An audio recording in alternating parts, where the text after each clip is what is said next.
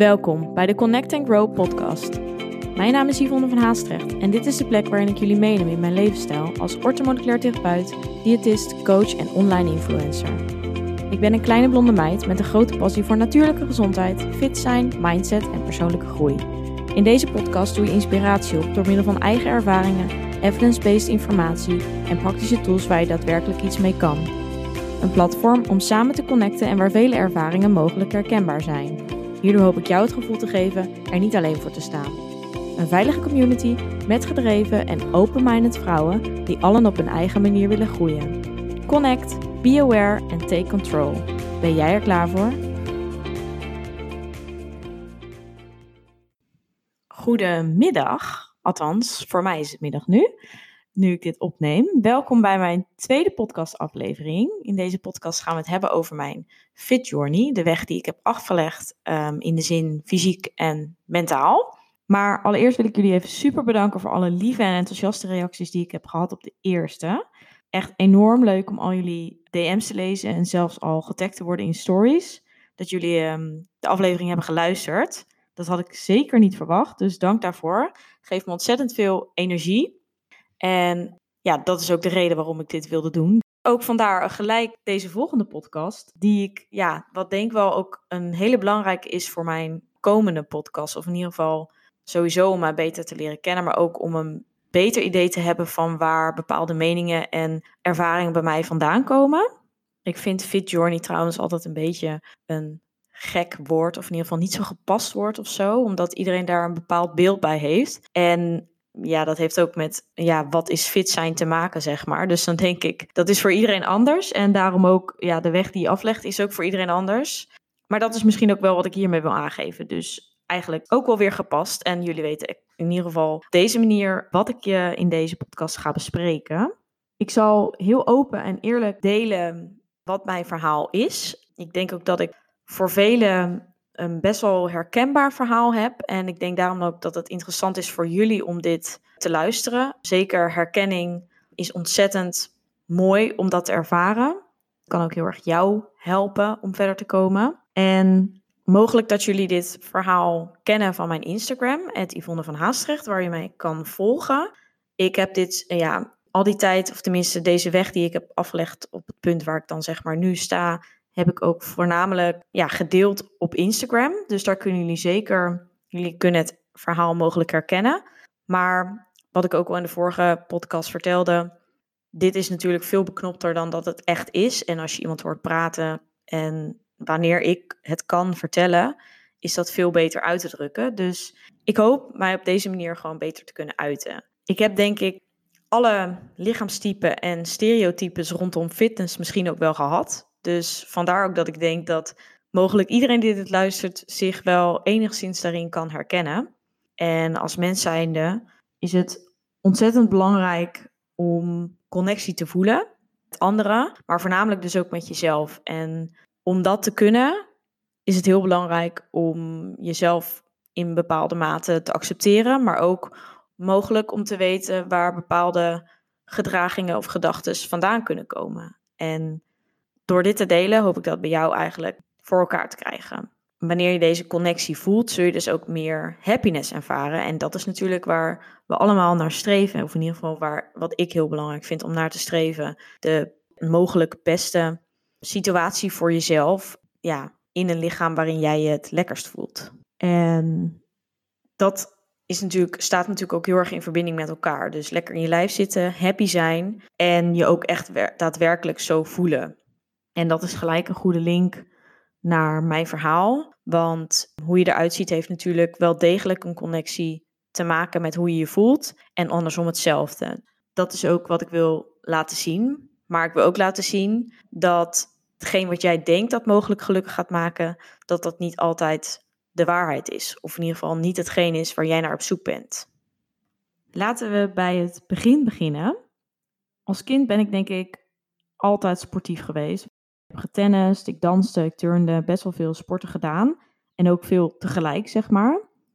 Ook was ik echt dol op de gym. Dus ja, favoriet, mijn favoriete vak op school was gym. En ik was dan ook super competitief. Ik kan en, of kon en kan nog steeds niet tegen mijn verlies. Ik denk ook dat ik als kind altijd een normaal lichaam heb gehad. Normaal tussen aanhalingstekens natuurlijk. En qua voeding thuis, het was, de, ja, het was niet zo gezond als de, hoe gezond ik natuurlijk nu eet. Of ja, met de kennis die ik nu heb. Maar voor toen, het is gewoon een, een ja, ik had gewoon een Hollands eetpatroon, zoals ze dat noemen. Ja, niet overmatig veel eten of veel lekkere dingen in die zin, was het gewoon netjes. Dus snoep hadden wij bijvoorbeeld nooit in huis, maar we hadden bijvoorbeeld wel op vrijdag patatdag. Dus in die zin, ja, dat was wel bij ons aanwezig. Ik had geen moeder die mij uh, met rauwkost en et cetera naar school bracht. Wat soms wel eens mensen nu denken, of in ieder geval vragen van... ben je ook echt zo opgegroeid als hoe ik nu bijvoorbeeld eet? Nou, dat dus niet. Maar het was gewoon uh, een prima eetpatroon. In die tijd sportte ik dus ook veel. Uh, naarmate ik wat ouder word, uh, koos ik ervoor om ja, alleen nog maar te turnen. Dat deed ik bij de selectie. Dus ik trainde ook drie keer in de week heel wat uurtjes. En ja, daarnaast ging ik overal op de fiets heen. Naarmate de puberteit merkte ik wel dat ik iemand was die echt wel van eten hield. Dus ik kon er ook echt super goed, echt wel goed van genieten. En ik kon bijvoorbeeld ook wel dan zo een pak koekjes leeg eten als ik van school thuis kwam. En lekker uh, doopte ik dan lekker in de thee, zeker in de winter. Ik ben echt zo'n koukleum. En dat was dan wel een beetje op een gegeven moment dat het er een beetje insloopte en dat werd dan wel een beetje standaard. Dus in die zin, ja, dat zou ik nu nooit meer doen.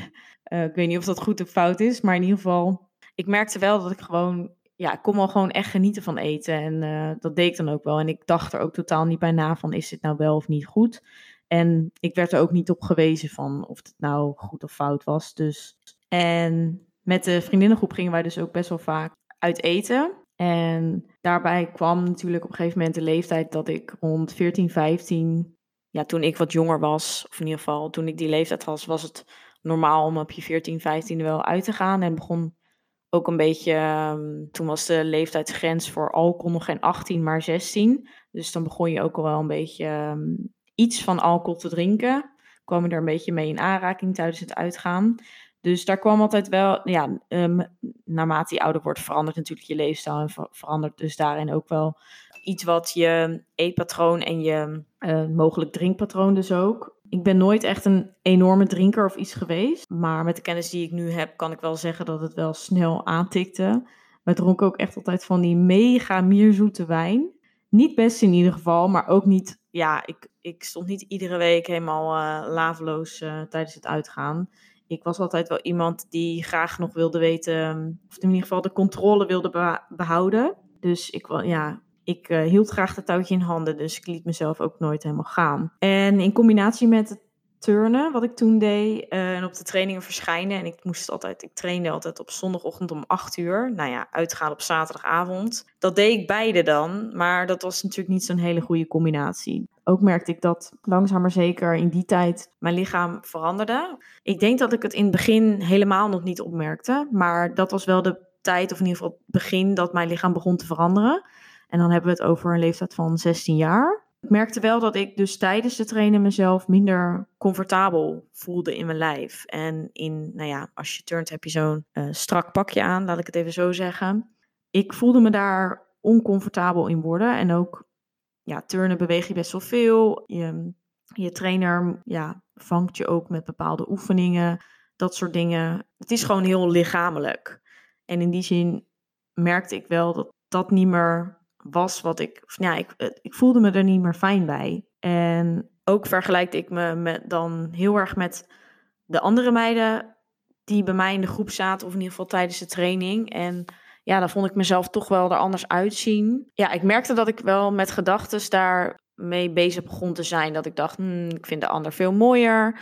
Die heeft, uh, is, zit strakker in haar vel. Die is veel dunner als ik. Daar begonnen die gedachten wel te komen. En begon ik mezelf heel erg te vergelijken met de andere meiden. En dat zat me toch, zeker omdat je daar dan uh, drie keer in de week staat, het zat me wel onbewust denk ik wel dwars. Maar ik wist ook niet zo goed hoe ik het anders moest doen of zo. Ja, ik werd op een gegeven moment merkte ik wel dat dat ook een ding was waardoor ik minder happy werd van het turnen. Daarbuiten veranderde sowieso mijn, ja, je krijgt gewoon ook andere behoeftes uh, in de zin van dat ik dus ook lekker met mijn vriendinnen op zaterdagavond uit wilde gaan. Krijgt bijbaantjes, je, leven wordt drukker, je hebt meer te doen voor school. Dus in die zin waren er meer omstandigheden. Plus dat ik een rugblessure kreeg, waardoor ik ook bepaalde dingen niet, niet meer kon doen. En het zat me ook wel in de. Het stond me ook wel in de weg in de training en zo. Dus er waren meerdere factoren, maar ook zeker het oncomfortabel voelen met mijn lijf. En ehm, ja, mezelf in zo'n pakje hijsen iedere keer. Was iets waardoor, ja, waardoor het trainen me tegenstond. Of in ieder geval het, het turnen me gewoon minder happy maken. En dat zorgde ervoor dat ik het gewoon meer als een het voelde voor mij meer als een verplichting. En omdat je, zeker omdat je het al zo lang de, uh, doet, ik deed dan vanaf mijn zesde al, ja, dan wordt het ook een soort bepaalde routine. En je denkt ook van, nou, dit hoort bij mijn leven. Het zit er zo een soort van ingebakken dat, ja, het werd voor mij een beetje een verplichting. En nou ja, dat moet het natuurlijk absoluut niet zijn, want het was gewoon een hobby, zeg maar, een sport. En als het als een verplichting gaat voelen, moet je het naar mijn mening ook niet meer doen. Dus dat was ook, ehm, ja, ik vond dat super moeilijk, maar dat was wel het punt ook dat ik besloot te stoppen. Een moeilijk ook wel besluit na tien jaar. Uh, zeker omdat je er heel wat tijd aan hebt besteed. En het was echt mijn, uh, mijn passie. Dus dan val je ook best wel eventjes in een soort van gat omdat je, je gaat daar zo vaak heen. Je bent ja, goed met die meiden daar. Dus ja, ik vond het heel moeilijk om daar echt afstand van te nemen. Of in ieder geval, ja, om dat een soort van los te laten. Toch wel een eng idee. Om dat waar je zoveel tijd aan besteedt, niet meer te hebben. Daarbuiten was ik eigenlijk super gelukkig. Altijd lachen, veel met vriendinnen afspreken. In het weekend altijd leuke dingen te doen. En dat gaf ook wel weer een lekker gevoel dat je dus niet een verplichting had die je door de week en in het weekend ook, waar je ja, naartoe moest. Ik merkte wel dat het gevoel van mezelf te dik voelen groeide, want dat was het. En opeens besefte ik ook dat ik best wel wat kilootjes was aangekomen. Zeker dan dus nadat ik dus stopte met turnen. Ik denk dat het zeker toen al was gegroeid, maar dat het daarna nog meer werd. Zeker omdat je natuurlijk ook zoveel beweging daarbij mist en ik eigenlijk niks natuurlijk veranderde aan mijn leefstijl of voedingsstijl. Niet extreem, Kijk, we hebben het nu over dat ik mezelf te dik voel, maar dat was de gedachte. Dus dat wil ik ook zeker eventjes aankaarten, dat het was hoe ik me voelde en niet exact dat ik zeg van, ik was ook echt te dik. Tuurlijk, ik was aangekomen en dat kon ik ook zeker terugzien op de weegschaal. Dus in die zin was ik voor mijn lichaam, was ik dikker geworden. En ik ben ook 1,58, dus niet zo groot. En voor mijn gevoel was het gewoon niet meer in verhouding. En ja, vond ik gewoon, mijn broeken zaten te strak, zeg maar. Zeker ook het sportlichaam wat ik eigenlijk gewend was om te hebben. En ja, altijd gewoon heel bewegelijk en actief en zo. Zo voelde ik me niet meer. Ik voelde me gewoon minder sportief. Ook begon ik de, ja, het sporten ontzettend te missen. Voornamelijk ook de uitdaging. En dat besloot me eigenlijk om mee te gaan met een vriendin die net was gestart in de sportschool. Dus ik ben met haar meegegaan om, ja, op zich in eerste instantie, ik dacht, ja, gaan we doen. Meer om ook dat ik dacht van, nou, dat, zou, dat is goed voor mijn lichaam. Niet per se omdat ik het heel leuk vond, omdat ik, of omdat ik dacht van, oh, dit wordt echt mijn nieuwe passie of zo. Helemaal niet. Ik zag het meer inderdaad gewoon als tool om van, nou, dan, dan doe ik wat, weet je wel. Dan ben ik in beweging. Dan zorg ik in ieder geval dat ik, ja, dat ik weer in beweging kom. En dan kijk ik daarna wel of ik desnoods weer, weer een sport wil gaan doen. Want dat was wel waar ik over nadacht. Ik dacht, misschien wil ik weer gaan tennissen. Of misschien toch iets van een teamsport doen, omdat ik gewend was om altijd sporten alleen te doen. Dat leek me ook wel leuk. Dus ja, meer met de gedachte van, nou, ik ga gewoon naar een sportschool en dan zie ik het wel. In de sportschool deden we, ja, deden we voornamelijk cardio. En al vrij snel, ja, toen was ook een beetje die tijd dat de groepslessen soort van opkwamen. Les, met de lessen als Zumba, bodypump en zo. Nou, dat leek ons, uh, leek ons natuurlijk ook wel leuk. En ook zeker voor de afwisseling. Dus wij gingen groepslessen doen. Nou, ik denk dat wij twee keer in de week of zo gingen. Maar ik merkte in tegenstelling tot eigenlijk mijn vriendinnen dat ik niet heel erg, dat ik totaal eigenlijk niet uitgedaagd werd in deze lessen. En daarom ging ik ook met een soort van niet voldaan gevoel altijd naar huis qua conditie en kracht merkte ik ook echt nog wel het soort van, ja, tussen aanhalingstekens, turnlichaam te hebben. Dus dan merk je dat dat ook niet heel snel weggaat. Ook al was het dus voor mijn gevoel wel een beetje verstopt onder een ander lichaam. Maar ik was echt wel gewoon ja, sterker. Mijn conditie was goed. En daarom, ik wilde dat ook behouden. Ik wilde daar ook geen afstand van doen. Want ik had ook mezelf een beetje de gedachte van, ik ben dat meisje die sportief is en ook daarvan houdt. En daar voel ik me ook lekker bij. Dus dat, daar wilde ik ook geen afstand van doen of zo. Dus dat vond ik ook mentaal lastig. En daarom besloot ik eigenlijk voor mezelf om na de les vaak, dan na de groepsles dus, nog eventjes wat extra's te doen om wel dat voldane gevoel te creëren. Dus ik ging dan nog cardio doen, buikspierkwartier, dat soort dingetjes.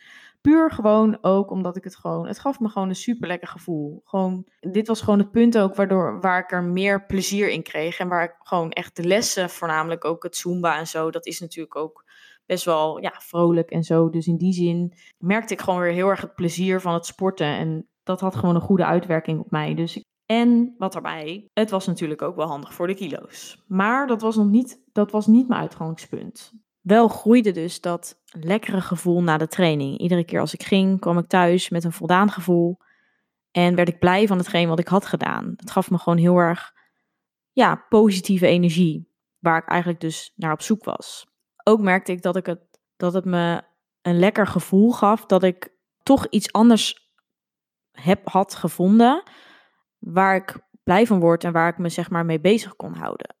Dus dat was in die zin omdat ik natuurlijk ja, toch wel bang was om een soort van iets te verliezen qua turnen dan. Uh, waar je altijd dan met zoveel passie omheen leeft eigenlijk. Of voorleeft. Dat ik daar, dat ik nu gewoon een soort van geen doel meer had. En nu was gewoon, ik had een ander doel. Mijn doel was nu gewoon om, nou ja, wat was het? Drie keer in de week naar de sportschool te gaan. Lekker zo'n les te volgen. En daarna nog wat cardio te doen om gewoon wat kilootjes te verliezen. Dus dat werd wel mijn doel. En het lukte me ook heel goed om dat vol te houden en ik kreeg ook plezier in. Dus in die zin, ja, de hele vibe rondom de sportschool veranderde. En ja, ik leerde daar gewoon, of ik voelde gewoon heel erg dat het mij blij maakte. Dus het gaf me een soort van beloning. En naarmate ik nou ja, niet heel erg bewust, maar ik denk onbewust toch wel dat ik voelde dat mijn lichaam positief veranderde, werd ook de drang om af te vallen die groeide. Ik wilde per se weer lekker in mijn lijf zitten en voornamelijk ook de kleren aan, zeg maar, waarin ik me, ja, die ik mooi vond. En ja, ik wilde gewoon, als ik een strak truitje aan wilde, dan of een, of een strak jurkje of iets, als ik dat aan wilde doen, dan wilde ik er niet over na hoeven denken hoe dat er dan uitzag. uitzag. Of ik wilde me niet voelen als iemand die iets aan had, maar wat net te strak zat. Ik wilde gewoon lekker aantrekken waar ik zin in had, zeg maar. Dus langzaamaan begon ik ook te kijken naar mijn voeding. En begon ik na te denken over van, oké, wat zijn de aanpassingen die ik hier kan doen? Wat zijn misschien de gezond, minder gezonde opties? En hoe kan ik dat verbeteren? En hoe zal dit mijn lichaam ten goede doen? Ik ging dus meer lezen, voornamelijk erover, op internet. Ik ging filmpjes kijken. Ik had bijvoorbeeld gesprekken hierover, voornamelijk over voeding, met mijn biologiedocent toen, de tijd. Die ook heel veel wist over voeding. En dat vond ik zo interessant. Ik weet niet, ik wilde alles weten. En die vrouw kon er zo mooi over vertellen en vol vertrouwen of zo. Dat ik helemaal, ja, dat, dat sprak mij zo erg aan. Ik vond het zo interessant dat ik ja, zeker vanaf dat punt ook echt dacht van wauw, ik vind voeding heel interessant. En daar wil ik meer over weten. En ik wil ook zelf die beslissingen kunnen maken. En ja, gewoon weten wat ik moet doen. Ik begon die veranderingen of de dingen die ik las en die ik zag en die ik dus hoorde, begon ik toe te passen. En dat begon met gewoon kleine dingetjes als inderdaad meer fruit eten. Gewoon de basics, gewoon de simpele. Dat, zijn, ja, dat is hetgeen waarmee je start. Gewoon meer fruit, dronk alleen maar water en thee, opletten met snacks en dat soort dingen. Maar die veranderingen, die werden natuurlijk steeds groter. Steeds dacht ik, hier kan nog wel wat weg. Daar maken we gewoon een kleinere portie van. Dit in het weekend sla ik over, want weet je wel, ik begon heel erg. Ik begon eigenlijk gewoon een beetje statistisch naar mijn voeding te kijken. Dit was denk ik rond mijn, ja, ja, rond mijn zeventiende, een jaar verder. Ik zat in mijn eindexamenjaar en ik had één doel voor ogen en dat was duidelijk. Ik wilde op eindexamenreis met mijn vriendinnen mezelf zelfverzekerd voelen in bikini. Ik wilde gewoon chill, zonder na te denken, op het strand zitten, zonder mezelf onzeker te voelen over mijn lijf. En zonder na te denken van, oh, uh, hoe moet ik zitten? En oh, als ik zo zit, dan heb ik wel een rolletje. Dat was gewoon mijn complete doel. En dat was een doel, dat had ik zo gevisualiseerd, dat wilde ik zo sterk, dat ik daar gewoon iedere dag aan dacht. Ik zag ook letterlijk, het klinkt raar, maar ik zag letterlijk mezelf in een, ja, hoe ik het had bedacht, of hoe ik het voor me zag, mooi lichaam. Iedere dag visualiseerde ik mezelf op het strand in bikini met een goed lijf, zeg maar. Wat ik dacht tussen aanhalingstekens dat een goed lijf was. Ik maak trouwens veel van het gebruik van die aanhalingstekens, omdat ik niet een verkeerd beeld wil geven over wat nou goed of fout is. Dus dat even terzijde. Maar goed, ja, ik had dus zo erg dat doel voor ogen, dat dit me zo erg motiveerde in de acties die, ja, waar ik mee bezig was. Het gaf me ja, ik wist gewoon heel duidelijk wat ik wilde. En dat hielp mij zo ontzettend. Dat besloot mij dus ook, dat zorgde er dus ook voor dat ik besloot om iedere dag te gaan hardlopen. Dit was niet ver. Ik denk dat het, nou ja, vier kilometer was. Drie, vier kilometer. Nou, en dan was ik inderdaad echt binnen 20 minuten was ik weer terug. Maar dit gaf, ja, dit gaf mij iedere dag een goed gevoel. En voor mijn gevoel bracht het me iedere dag een stukje dichterbij mijn doel. Daarnaast ging ik dus ook nog naar de sportschool. En dat hardlopen was eigenlijk ook perfect voor mij. Want overdag hield ik mij perfect aan het schema wat ik zeg maar voor mezelf had bedacht. Dus dat was totaal niet moeilijk. Ik kon me er heel goed aan houden. Overdag had ik geen probleem. Maar het moment van na het avondeten merkte ik dat ik uh, wat trek kreeg, aan voeding ging denken, uh, zin had in lekkere dingen. Dus dat was gelijk een mooie combi.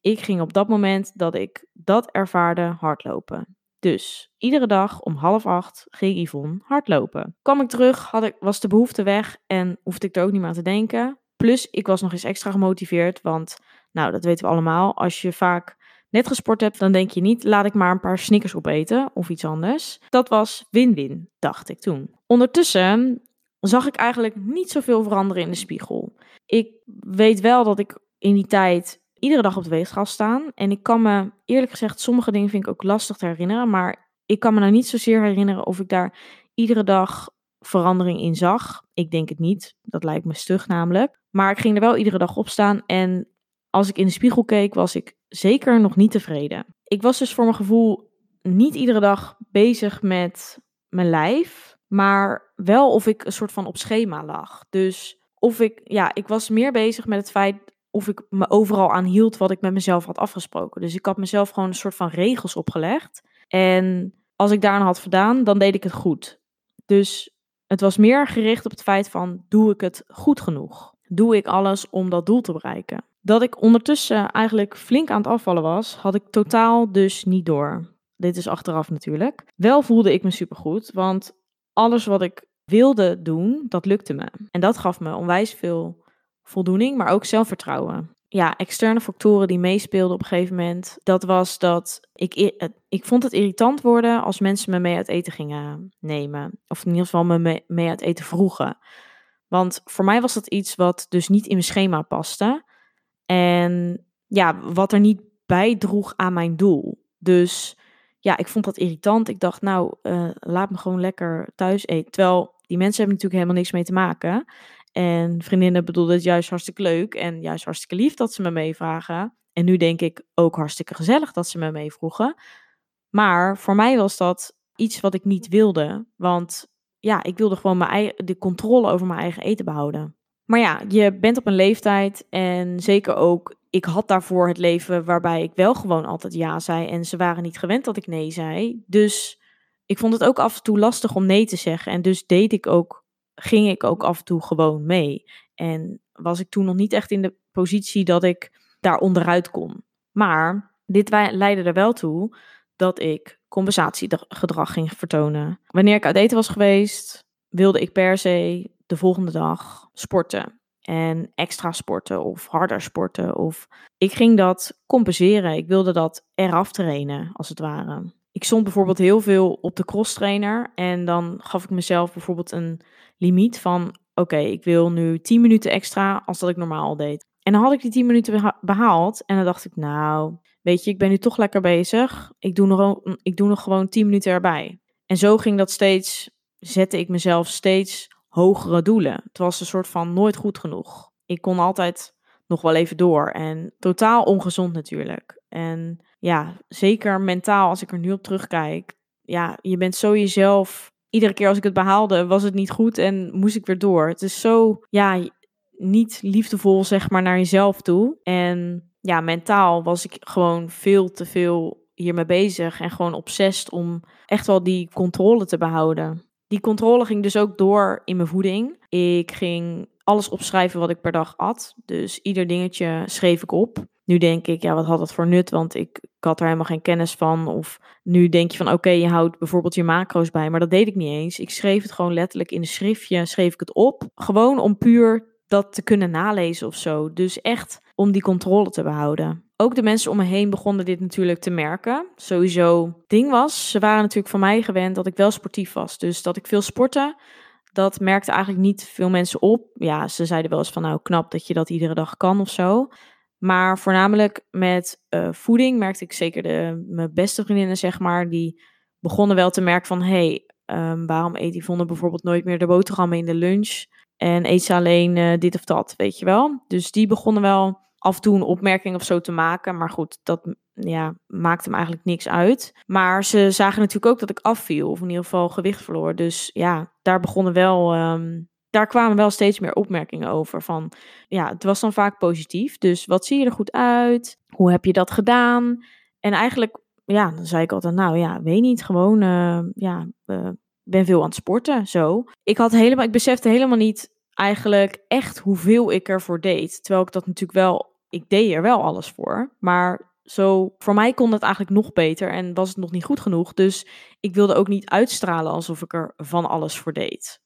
Ja, ik moffelde dat zeg maar een beetje weg. Ik gaf er, ik wilde er ook absoluut geen aandacht aan besteden. En ik vond eigenlijk die opmerkingen dat ik er goed uitzag, vond ik ook heel ongemakkelijk. Ik wist ook nooit hoe ik dan moest reageren omdat ik het er dus zelf totaal niet mee eens was en er ook niet in kon geloven. Dus ik zei ook geen dankjewel of zo. Het was gewoon, ja, ik haalde bewijzen van mijn schouders op en ik ging weer door.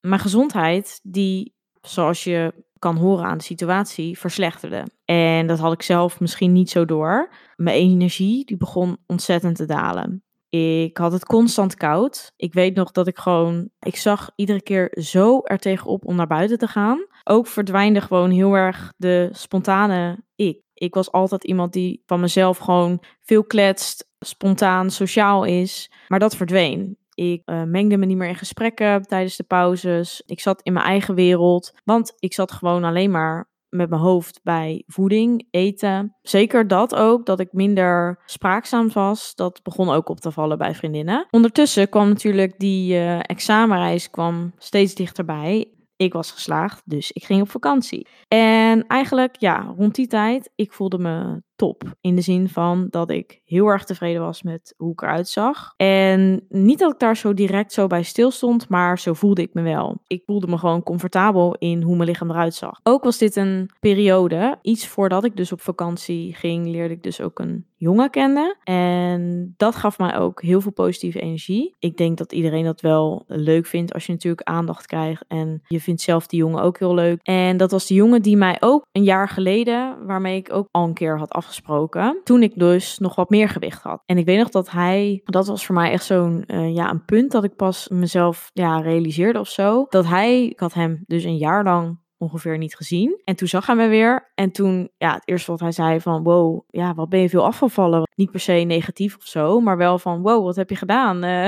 en dat zag ik zo erg in zijn gezicht, dat hij zo'n verschil zag, dat ik dat ik dacht, hè, is het dan echt zo zichtbaar of zo? Dat, zo voelde dat voor mij helemaal niet. En voor mijn gevoel was dat dus wel de eerste die dus letterlijk tegen mij zei van, jeetje, weet je wel, wat een verschil. En misschien, het kan ook wel zijn dat, als ik nu zo terugdenk, dat misschien andere personen dat, die dichter bij mij stonden, dat ook wel zeiden, maar dat ik het daar niet echt van wilde aannemen. Dit was iemand die ik, nou ja, heel leuk vond en hij zei het gewoon. Dus dat kwam bij mij, voor mij kwam dit veel meer binnen. Deze jongen werd ondertussen dus mijn vriendje is nu mijn ex, maar hij sportte ook heel veel en was ook super veel bezig met voeding. Deed ook aan fitness, at in mijn mijn ogen toen superveel en zag er gewoon goed uit. En dit zette me eigenlijk, dit was eigenlijk een verandering voor mij. Of in ieder geval, hij zorgde er ook voor dat ik inzag van oké, je het is ook mogelijk er goed uit te zien met meer voeding. En ook zeker doordat wij meer samen aten, ik toch ook eetgewoontes van hem overnam. En hij me ja, ondertussen in die tijd gewoon meer daarover leerde. Um, hij deed heel veel aan krachttraining. Dus langzaamaan ging ik ook zelf vanuit mijn bodypump leerde ik, had ik al wel ervaring met krachttraining, maar is natuurlijk wel heel anders als, dan dat je echt fit, ja, bodybuilding, zeg maar, training doet in plaats van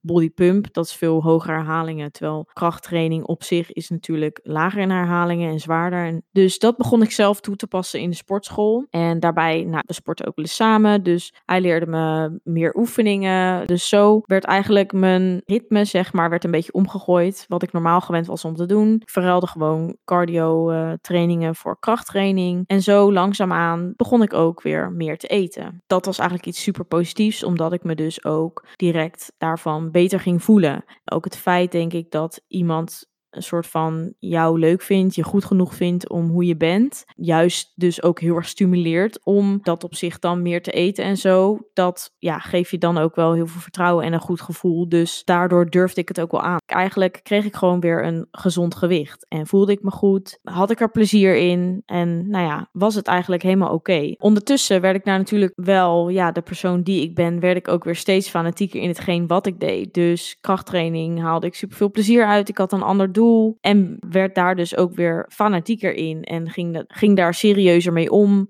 Wilde daar ook weer meer over weten. En zo kom ik eigenlijk weer in een andere, ik noem het maar even, ja, echt de, de fitness bodybuilding periode zes keer per dag eten. Clean, dus zeg maar, ja, gewoon super gezond. Maar uh, niet zozeer bezig met voldoende groente en fruit, zeg maar. Maar meer met het feit van voldoende eiwitten, veel eetmomenten dus. En zorgen dat je voldoende energie hebt om te sporten. En om spieren op te kunnen bouwen. Nou ja, na de opleiding uh, van de hotelschool, wat ik dus in die twee jaar heb gedaan. Wat ik dus ook in twee jaar heb afgerond.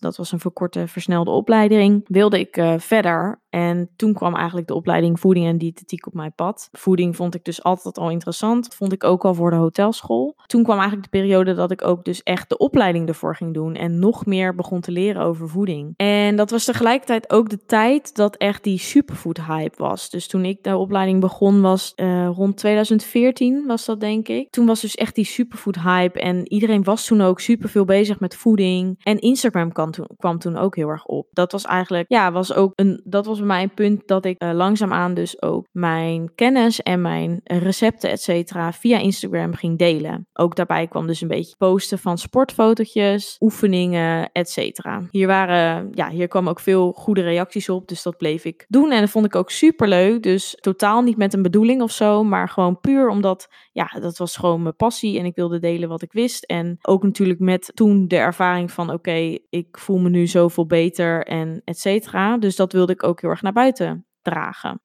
ook kon ik weer gewoon genieten van voeding. De associatie met voeding veranderde gewoon weer. En dat vond ik gewoon super fijn. Maar een dingetje, ik merkte wel dat mijn lichaam langzaamaan weer begon te veranderen. En die verandering vond ik niet fijn. Dat merkte ik. En dat gaat natuurlijk langzaam, dus je hebt dat eerste soort van niet zo door.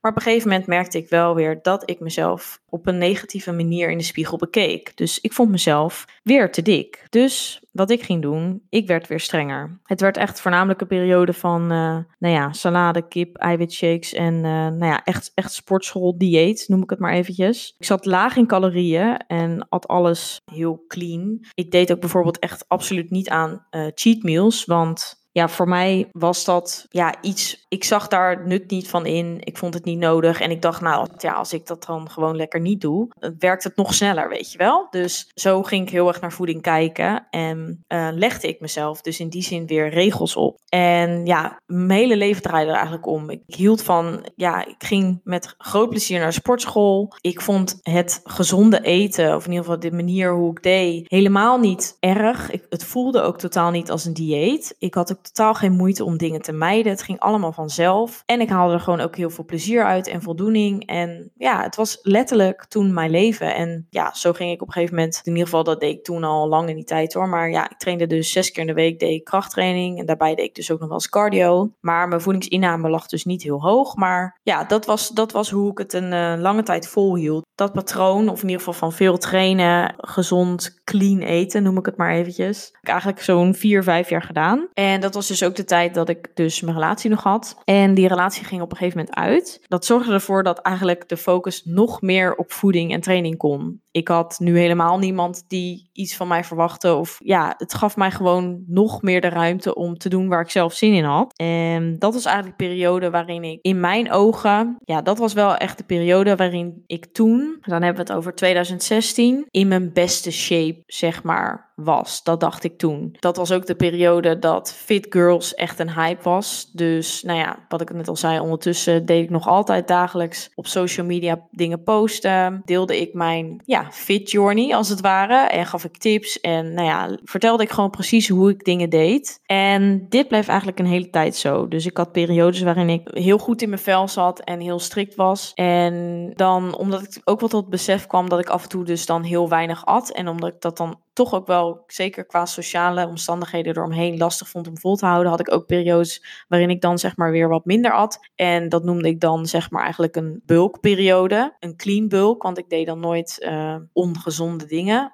tussen aanhalingstekens uh, eten. Ik bleef gezond eten, maar ik at daar gewoon meer van. En dan voornamelijk hoogde ik zeg maar mijn koolhydraten op om eigenlijk zo mijn metabolisme te hopen, hopen te verhogen. Daar zal ik later wat meer een, eh, een andere blog aan wijden, maar dat terzijde. Maar um, ja, zo ging dat eigenlijk uh, dus door. Dus eigenlijk altijd wel echt lange periode, zeg maar, dat ik heel bewust bezig was en alles dus weer erom deed om er goed uit te blijven zien. En dan had ik bijvoorbeeld twee maanden waarin ik dan wat meer ging eten. Maar ik merkte eigenlijk dat dat, ja, voor mij deed dat vrij weinig in de zin van dat ik niet daardoor echt steeds mijn calorieën kon blijven verhogen. Of ja, ik merkte gewoon steeds, ja, ik was gewoon aan het. Ik merkte gewoon heel erg dat het voor mij weinig deed. En dat ik dus eigenlijk gewoon steeds aan het jojoen was. Ik voelde me goed, bleef streng eten. Werd daarna een beetje zat, want dat merkte ik wel mentaal. Dat ik het mentaal steeds moeilijker vond om mezelf eraan te houden. Ging daardoor wat meer eten, voelde me dan weer slecht. En zo bleef ik maar doorgaan in die cirkel. Het jojo-effect, waar ik dus ook heel vaak, nu heel vaak over praat, uh, hoe je dat kan voorkomen. Waar ik dus zelf ook ingezeten heb. En dat is gewoon heel moeilijk te, te doorbreken. Dus ik merkte gewoon vast te lopen. Ik was eigenlijk qua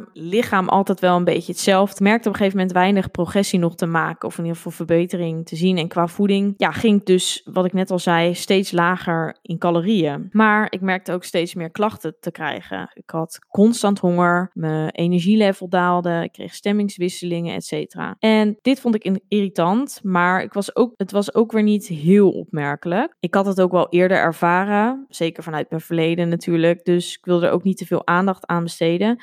En ik gaf het ook een beetje de schuld aan gewoon het veel trainen. En gewoon, ja, ik ben iemand die heel actief is. En dus het zal daar wel van komen. En het gaat wel over. En vond het niet vervelend, die klachten, zeg maar. Maar wat ik net al zei, die mentale vermoeidheid, of in ieder geval het, de kracht om het zeg maar op te blijven brengen, dat begon wel een beetje aan mij te zeuren. Of in ieder geval, ik merkte dat ik dat lastig vond om te ervaren. Dat ik er steeds harder tegen moest vechten om mezelf, ja, gewoon aan alle regels die ik mezelf dus had opgelegd te houden. Waar het voorheen dus super makkelijk mij afging. Dat ging gewoon steeds moeilijker. Tot ik op een punt kwam dat ik, nou ja, ik train altijd in de ochtend. Ik slaap altijd goed, ga altijd op tijd naar bed. Ik sliep minimaal 9 uur per nacht. Maar zodra ik dan s ochtends had gesport, was ik gewoon kapot. Gewoon helemaal uitgeblust. En ik kon me, mezelf gewoon letterlijk nergens toe zetten. En ik kreeg nog meer vage klachten. En dit was denk ik in 2017, hebben we het dan over. Om eventjes weer een beetje de periodes uh, duidelijk te maken. Ik voelde gewoon van binnen dat er iets niet oké was. Dus ik liet eigenlijk verschillende testen doen, zeker ook met mijn eigen kennis. Uh, ik was natuurlijk ondertussen afgestudeerd. Ik had ja, opleiding tot diëtist afgerond. Ik at gezond, ik leefde gezond, ik sportte veel. Wat is er, wat is er nu verkeerd? Wat, wat doe ik fout? Dus ik liet verschillende onderzoeken doen. En ondertussen zat ik ook, dus na mijn uh, diëtetiekopleiding heb ik de opleiding tot orthomoleculair therapeut gevolgd. En zo kwam ik in, kwam ik er eigenlijk opeens achter door, door iemand die ik daar kende en via via werd gestuurd. Onderzoeken kwam ik opeens plotseling achter de ziekte van Lyme te hebben. Super vervelend. Maar aan de andere kant was dit een punt ja, wat voor mij keerde, waardoor er zoveel dingen op zijn plek vielen. En dat ik echt dacht, eh, ja, het ligt niet aan mij. Ik ben niet gek, weet je wel. Want ja, van persoonlijkheid ben ik gewoon iemand die denkt, nou, niet door, gewoon maar doorgaan en niet zeuren, het zal wel. Ik dacht, ja, ik zit gewoon even niet zo lekker in mijn vel dat gaat wel weer over. Maar ja, omdat die klachten dus steeds meer, ja, steeds erger werd. En zeker omdat het dus ook, ja, mentaal, ik mezelf zo erg moest, uh, ja, mezelf zo erg moest oppeppen om dingen te gaan doen die ik heel leuk vond normaal. En zelfs oh, had ik afgesproken met vriendinnen of zo, zelfs dat voelde als een moedje en te veel. En kon ik eigenlijk een soort van niet aan. Maar ja, ik deed wel. Maar ja, ook in mijn werk, ik vond het heel lastig om de energie te vinden om ergens aan te beginnen. En zeker omdat ik dus ook voor mezelf werk en niemand iets van mij verwacht, had ik daar zo moeite mee. Maar omdat ik ook beginnend ondernemer was, dacht ik, ja, misschien is dat wat niet bij mij past. Of doe ik toch niet het juiste? Of moet ik een, op een, in een andere hoek gaan zoeken? Ik was veel bezig met social media. Ben ik daar dan misschien klaar mee? Et cetera. Je gaat van alles bedenken om te denken van waar komt het vandaan? Maar die ziekte van Lyme was voor mij ja, zo'n verklaring. Of in ieder geval, er waren zoveel linken. En dat ik dacht van ja, eindelijk valt het een beetje op zijn plek. Ik wil niet zeggen dat er niks in die andere hoeken, zeg maar, dat allemaal oké was. Maar die ziekte van Lyme was natuurlijk wel een grote oorzaak en iets waar wat gedaan mee moest worden. Ik zal daar natuurlijk zeker in een andere post, podcast verder op ingaan. Dus dat wil ik voor nu eventjes uh, aan de kant schuiven, want anders wordt deze podcast wel erg lang. Um, en jullie moeten ook niet afdwalen. Dus, maar dus daarover later meer. Doordat ik dus daardoor minder lekker in mijn lijf zat, of in ieder geval weer negatieve gevoelens zeg maar, over mijn uiterlijk begon te krijgen, ging ik een coaching traject aan en dacht ik, nou, dan hoef ik in ieder geval zelf er niet over na te denken en laat ik eens iemand van buitenaf ernaar kijken. Ook zij gaven me meer calorieën dan dat ik al dus op dat moment deed. En daar was ik eigenlijk super blij mee, want ik dacht, nou, chill, weet je wel, dit zal, uh, dit zal wel gaan werken. Ook zij heeft er verstand van, dus dit moet gaan lukken. Dus ik deed exact eigenlijk wat er van me gevraagd werd. Um, ze gaven wel ook aan, het advies was nog steeds gewoon zes keer per week trainen. Dus dat deed ik ook. Stiekem hoopte ik eigenlijk in deze periode op een soort van wonder. En dat ik meer kon gaan eten. Dat ik er goed uitzag. mijn klachten qua lijm goed onder controle had. Maar dat was ja, achteraf gezien natuurlijk eigenlijk helemaal niet zo realistisch. Wel kwam dus ook steeds vaker de gedachte van... Hm, misschien moet ik wel minder gaan sporten. En omdat ik het steeds meer dus ook, net zoals wat ik eigenlijk met het turnen vroeger ervaarde, het steeds meer ook als een moedje ging zien. En ik moest mezelf, ik had gewoon echt een mindere periode qua plezier in trainen. En eigenlijk doordat ik dus nu een vast schema had en iemand per se zei wat ik moest doen, werd dat alleen maar weer groter. Dus ik merkte eigenlijk dat ik, wat ik dacht dat me meer ging brengen van het feit dat ik niet over mijn training zelf hoef na te denken, et cetera, en uit handen wordt gegeven, vond ik dus eigenlijk veel minder fijn, omdat ik nu het gevoel had dat iemand me het oplegde en dat ik dus exact daar steeds aan moest voldoen. En dat gaf voor mij nog meer druk en ik denk dat dat ook wel stress met zich meebracht. In de andere zin, qua coaching heeft het me ook superveel mentaal gebracht, want het ging niet alleen zeg maar over voeding en training, die coaching, maar ook gewoon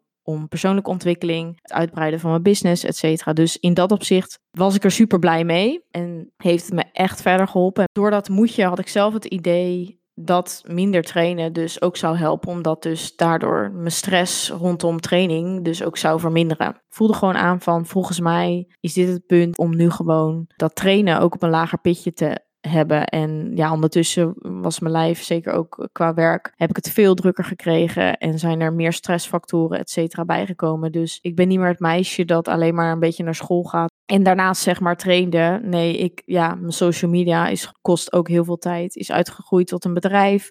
Daarnaast heb ik allemaal consults, um, bloedtesten, et cetera. Ja, dat brengt gewoon meer stress met zich mee en is in dat opzicht is mijn leventje gewoon niet meer zo makkelijk als dat het was toen ik alleen maar naar school ging. Je moet altijd wel blijven kijken natuurlijk naar van wat is voor mij nu voor jou het beste haalbaar en het beste voor mijn gezondheid. En daar kwam zoveel meer de switch naar, meer naar het moeten en van oh, je moet je aan, aan bepaalde dingen voldoen, maar vooral van ook wat geeft mijn lijf aan en waar heb ik echt behoefte aan en wat is voor mij op dit moment nu het gezondst. En ik kreeg veel meer de behoefte aan niet echt alleen iets doen omdat het uiterlijk gericht is, maar om me goed te voelen. En dat heeft zeker de ziekte van Lyme heeft daar wel toe gebracht dat ik veel meer nadenk over oké, wat is gezond voor mij en niet zozeer wat is uiterlijkerwijs de beste beslissing die ik kan maken. En dan in mijn ogen beste beslissing. Want of dat het was, dat is dan nog maar de vraag. Maar in ieder geval het beeld wat je van jezelf hebt natuurlijk. Daar heb ik me gewoon zoveel mee bezig gehouden. En ik merkte gewoon dat ik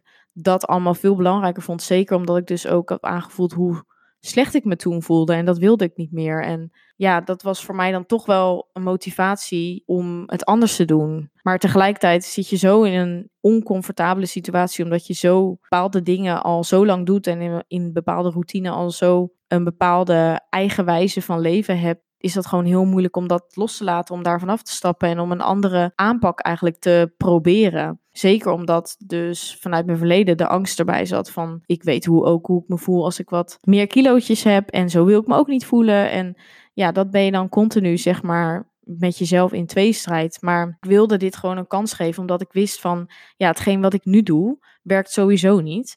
Dus ik moet wel iets anders gaan doen. En nog meer trainen en minder eten, et cetera, is gewoon fysiek niet mogelijk. Fysiek en mentaal niet mogelijk. De oplossing is gewoon ja, een stapje terugnemen. En dat was voor mij heel moeilijk, omdat ik gewoon altijd. Ik heb gewoon het beeld voor mezelf in mijn hoofd gemaakt dat om een bepaald doel te bereiken, moet je die en die dingen ervoor doen ik merkte ook gewoon langzaam meer het normalere leven, tussen aanhalingstekens, te willen leiden. Dus meer te kunnen genieten van het eten, gewoon op stap gaan, een drankje hier en daar. En dat deed ik ook langzaam wel steeds meer. Maar ik merkte er gewoon dat die drang zeg maar nog groter werd. En dat ik me geluk ook heel erg uit andere dingen kon halen. En het stomme daarvan was dat hoe meer ik dat zeg maar toeliet, ik ook weer merkte hoeveel impact dat dan eigenlijk weer juist in negatieve zin had op mijn gezondheid. Omdat, ja, zeker met de ziekte van Lyme, wat ik net al zei, het heeft gewoon heel veel invloed op je immuunsysteem. En ik merk gewoon dat wanneer ik een drankje drink, alcohol drink, slecht slaap, weinig slaap, dan voel ik me daar de volgende dag gewoon heel erg slecht van. En niet een dag, en dat is ook geen kater zoals eigenlijk de meeste van jullie dat zo zullen ervaren, maar ik ben echt ziek en in de zin van dat ik het een week daarna heb ik daar nog last van. En ja, dat is iets wat ik er dan ook weer niet voor over had. En dan struggle je gewoon zo erg met heb gewoon zo lang erover gedaan om daar te komen en om jezelf, zeg maar, dat soort dingen toe te laten. En dan word je nu eigenlijk een soort van weer afgestraft door het feit dat je lichaam het eigenlijk niet aan kan. Of je gezondheid daar eigenlijk heel negatief op reageert dat is eigenlijk hoe ik het nu nog steeds ervaar. Dat vind ik nog steeds lastig. Maar ik weet ook er beter mee om te gaan. En ik kies gewoon bewust voor dat soort momenten. Qua lijf heb ik gewoon, zeker op dit moment, ja, goede en slechte dagen. Zo noem ik het altijd maar. De ene keer ben ik super tevreden en denk ik, ja, zo, nu ben ik gewoon heel blij met dat ik niet meer zo obsessief ben, geobsedeerd. En de andere moment denk ik weer van, ja, ik wil er toch voor mijn gevoel dan net iets beter uitzien. En ja, zeker ook door social media en hetgeen wat ik wil uitstralen, vind ik ook dat ik een bepaalde mate van fitheid natuurlijk moet uitstralen. En dat geeft dan ook weer een bepaalde druk met zich mee. Maar ook natuurlijk vooral voor mezelf, omdat ik ook weet dat ik dus mezelf minder comfortabel voel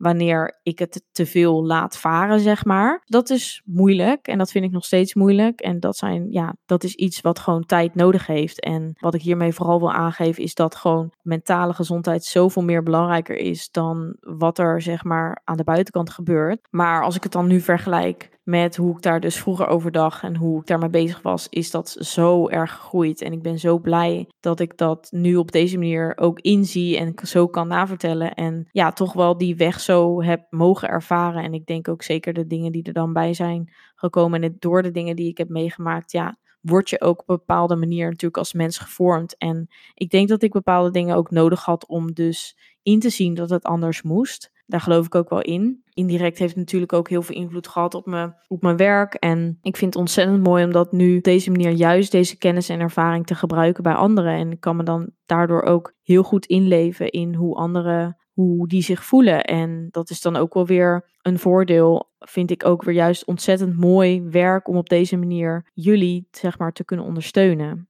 Om er een beetje een eind aan te breiden. Ik hou van bewegen en dat zal ook nooit veranderen. En ik weet dat mijn lijf in die fitgirl vorm van een aantal jaren geleden, wat dan ook, wie dan ook zegt wat fitgirl is. Maar goed, dat is in ieder geval niet meer wat ik wil en niet meer waar ik naar streef. En ook wat ik weet wat mijn lijf niet qua gezondheid niet ten goede zal doen. Daar uh, heb ik ook totaal vrede mee. Ik ben ook gewoon super blij dat voeding en training gewoon niet meer op die manier mijn leven beheerst. En dat ik gewoon heel makkelijk een training over kan slaan. Weer geniet van uit eten gaan. Constant aan eten denk. Compensatiegedrag niet vertoon. Het mooie is om zelf nu ook, zeker met mensen met gezondheidsklachten, te kunnen helpen door middel van de bloedtesten die ik afneem. Zeker ook door te luisteren, gewoon je lijf te geven wat het nodig heeft. Want uiterlijk is echt niet alles. En nou ja, ik ben benieuwd of jij jezelf hier mogelijk in herkent. Laat het mij weten. Het is een aardig lang verhaal geworden, maar komt in ieder geval recht uit mijn hart. Ik hoop dat jullie de eerlijkheid ook kunnen waarderen. Ik zal ook een foto posten, of in ieder geval die heb ik nu gepost. Uh, waarin je dus ook de fysieke veranderingen, et cetera, kan zien. Dat schept misschien nog een beter beeld. En mocht je hier eens over willen praten, dan kan dat natuurlijk ook. Je kunt mij natuurlijk ook even een DM sturen op Instagram. Laat het mij weten.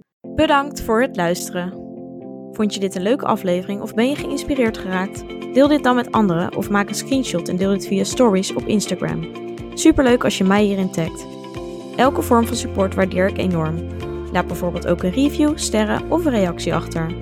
Meer connectie, volgen wat ik doe of info over wat ik bied? Je kunt mij vinden op Instagram, Yvonne van Haastrecht.